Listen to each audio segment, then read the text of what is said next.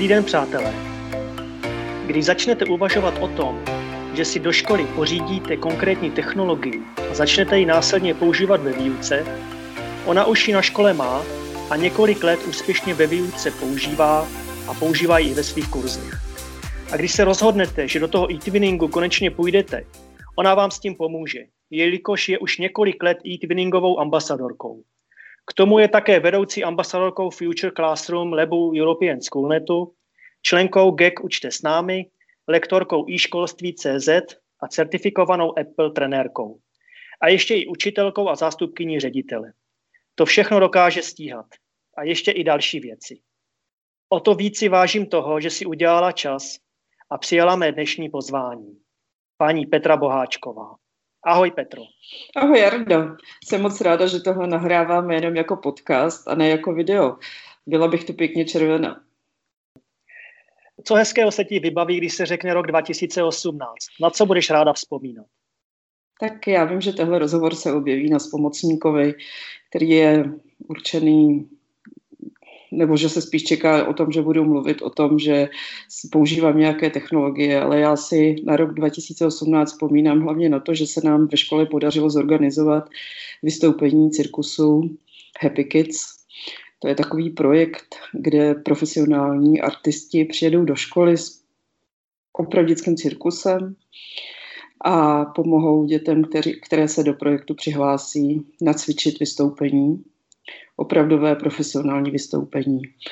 A vlastně děcka se stávají akrobaty, klauny a, a kouzelníky, všemi možnými profesemi, které v cirkusu můžeš najít. A uspořádají pro rodiče, pro okolí, pro komunitu. Dvě vystoupení, obě dvě vystoupení byla úžasná a člověk by nevěřil, co se za ten týden děcka dokážou naučit. To se mi vybaví, když se řekne rok 2018. To já vím o tobě, že hodně cestuješ a navštěvuješ různé vzdělávací instituce.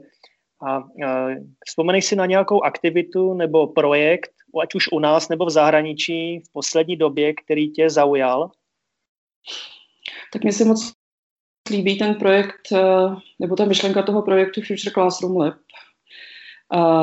jednak Future Classroom Lab je jednak fyzická místnost, která je v Bruselu a podle ní vznikají různé Future Classroomy v různých institucích. My jsme se pokusili jednu vybudovat u nás ve škole, ale taky je to vlastně myšlenka toho, že bychom trošku měli měnit pedagogiku, že bychom trošku měli měnit roli učitele. Učitel už není ten, kdo stojí před dětmi a, přináší do třídy informace. A je to spíš ten, kdo dětem pomáhá informace zjišťovat, pomáhá jim informace zpracovávat a podobně. A tahle ta myšlenka, tahle ten koncept mě moc baví. Myslím, že to, co najdeš v Bruselu jako Future Classroom Lab, to znamená nějakou místnost rozdělenou na zóny, zóna vytvářej, zóna sdílej, je možná už malinko překonaný. Spíš se teď zdá se mi prosazují flexibilní výukové prostory, to znamená, že si učitel může dokonce tu třídu nebo to, kde se to vyučování odehrává, uspořádat tak, jak on chce. Může si říct, že v téhle části třídy se bude teď něco vytvářet, v téhle části třídy se bude teď něco sdílet a podobně. Tak třeba tohle to mě napadá. Mhm. Je asi těžký říct, která z těch technologií, které spoznala, řekněme, za posledních deset let, je nej, byla pro tebe, nebo si myslí, že je nejzásadnější, a, uh, ale která by to byla? A myslíš si, že se za pět let nějak zásadně změní, nebo že úplně zanikne? Hmm, tak mě pořád nepřestává udivovat vůbec to používání technologií to, že sedím teď tady v odoleně vodě, ty sedíš v Bohačovicích a můžeme natáčet nějaký rozhovor, nebo prostě bude půl osmí a já si vzpomenu, že potřebuju z Izraele poslat nějaký pracovní list, který jsme s paní učitelkou z Izraele vytvářeli já jsem se ho nevložila a po pěti minutách ho můžu mít u sebe.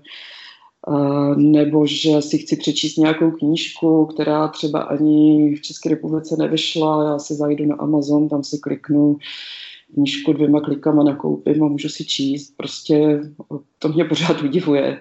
Těžko vybírám z těch technologií nějakou, která mě nějak ovlivnila nebo kterou používám nejvíc.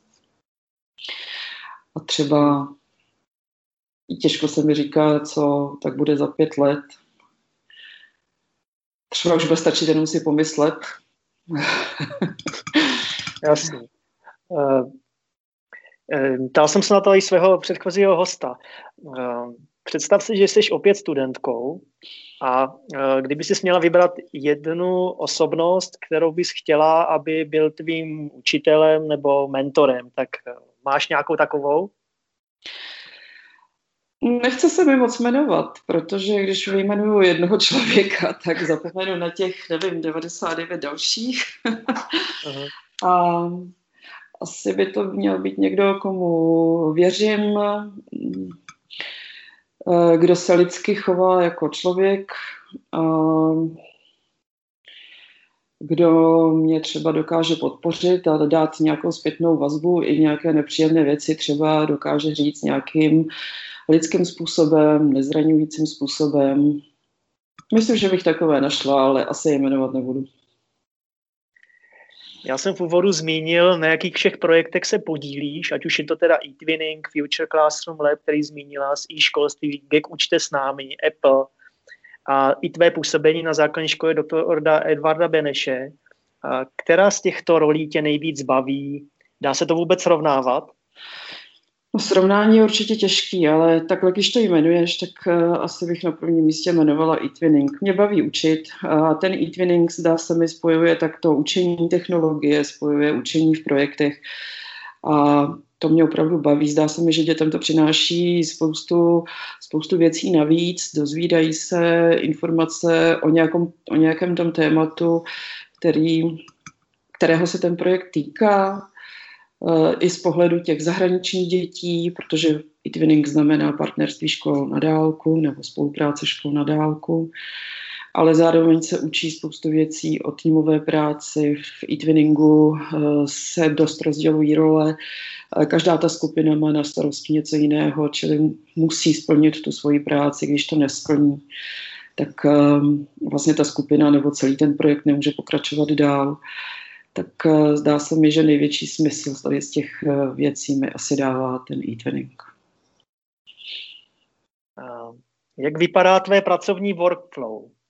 Můžeme trošku nahlédnout do něho. Jaké aplikace a technologie dneska nejčastěji používáš, ať už při práci nebo v osobním životě? Asi to budou...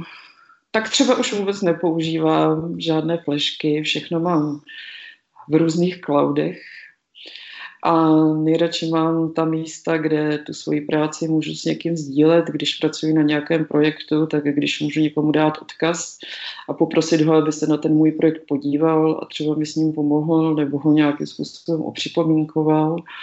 Um, nejradši asi uh, věci nebo aplikace různé od Google, um, Dropbox, Napadá mě ale třeba uh, taky před chvíličkou jsem si prováděla zápis do Goodreads, kde si zapisuju kratoučce informace o knížkách, které jsem přečetla. Mm-hmm. Tak. Uh, tak je to asi hodně, no, to je jasný. Uh, na jakých vzdělávacích akcích tě letos potkáme a s čím tam přijedeš? Mm, poslední dobou mě baví hrát si s robotikou, zkoušet, eh, mm, zkoušet implementovat programování do těch předmětů, které učím, což je fyzika, angličtina a environmentální výchova. Takže jestli mě někde uvidíš, tak pravděpodobně to bude s nějakým robotem. A teď se blíží březen, tak na konci března je konference na Ostravské univerzitě. Um, myslím 26. tak tam určitě budu. Blíží se učitelský summit, který je někdy na konci dubna, tak tam mě asi najdeš taky. A teď určitě spoustu věcí zapomenu, ale napadá mě, že v létě určitě budu na letní škole s iPadem na Malé Morávce. Na tu akci se moc těším, je to vždycky akce hrozně nabíjecí, tak uh, tam budu určitě. Super. Doporučíš nám nějaké vzdělávací weby nebo komunity, které bychom letos určitě měli sledovat? Který no, tak roz, byli? rozhodně GEG učte s námi. Eh, přestěhovali jsme se, protože Google Plus se zavírá, tak jsme se přestěhovali na Facebook, takže všichni, co nás posloucháte a ještě jste nás na Facebooku nenašli, tak honem tam. A pak se mi další věci se mi zase úplně jmenovat nechtějí, protože jsem si neudělala seznam a teď z hlavy určitě bych zase na někoho zapomněla. Nevadí. Jsou nějaké novinky ve vzdělávání nebo technologiích u nás nebo v zahraničí, na které se těšíš, že přijdou? Mm, tak úplně novinky nevím, ale um, loni, myslím, že to bylo loni, jsem objevila uh, malé počítačíčky, které se jmenují Mikrobit a k ním knížku Mikrobit v zemi divů což je taková knížka, která v sobě spojuje povídání o Alence a také programování a taky výrobu různých věcí, třeba letajícího klobouku právě z té knížky o Alence a programování třeba té písničky, kterou klobouk v té knížce o Alence zpívá. A mělo by vyjít pokračování téhleté knížky Mikroby v zemi za zrcadlem, tak třeba na to se moc těším. Rozhodně si ji pořídím. To je super. Chystáš letos něco nového, nebo si už dokonce něco zrealizovala? No, já jsem teď trošku pohlcená psaním různých projektů, což vlastně je i moje práce ve škole. A tak jsem zvědavá, jestli tyhle projekty výjdou, tak na to bych se moc těšila, pokud by píšeme projekt do strategie implementace digitálního vzdělávání. Chtěli bychom se účastnit projektu Erasmus plus KA1 i KA2. Ehm, v KA2 se nám teď podařilo i zapracovat mobility žáků, takže by bylo fajn vyjet z žáky na různé školy. Máme tam i školu z Finska, tak to myslím, že by se dětem líbilo se podívat na finskou školu. A já jsem uh, zaznamenal, že jste se Slávkem Horou spustili teďka nový web. Taky. No, ano, ano, ano, dejte mi pevný bod.cz, tak uh, zatím se nám daří každý týden publikovat jeden článek, ale spustili jsme to asi před 14 dny, tak uvidíme, jestli nám nedojde dech a síly. Moc vám držím palce oběma. Ještě jednou díky moc, že jsi udělala čas na náš dnešní rozhovor. Já by bylo to moc fajn, děkuji. Dnes byla naším hostem na spomocníkovi paní Petra Boháčková.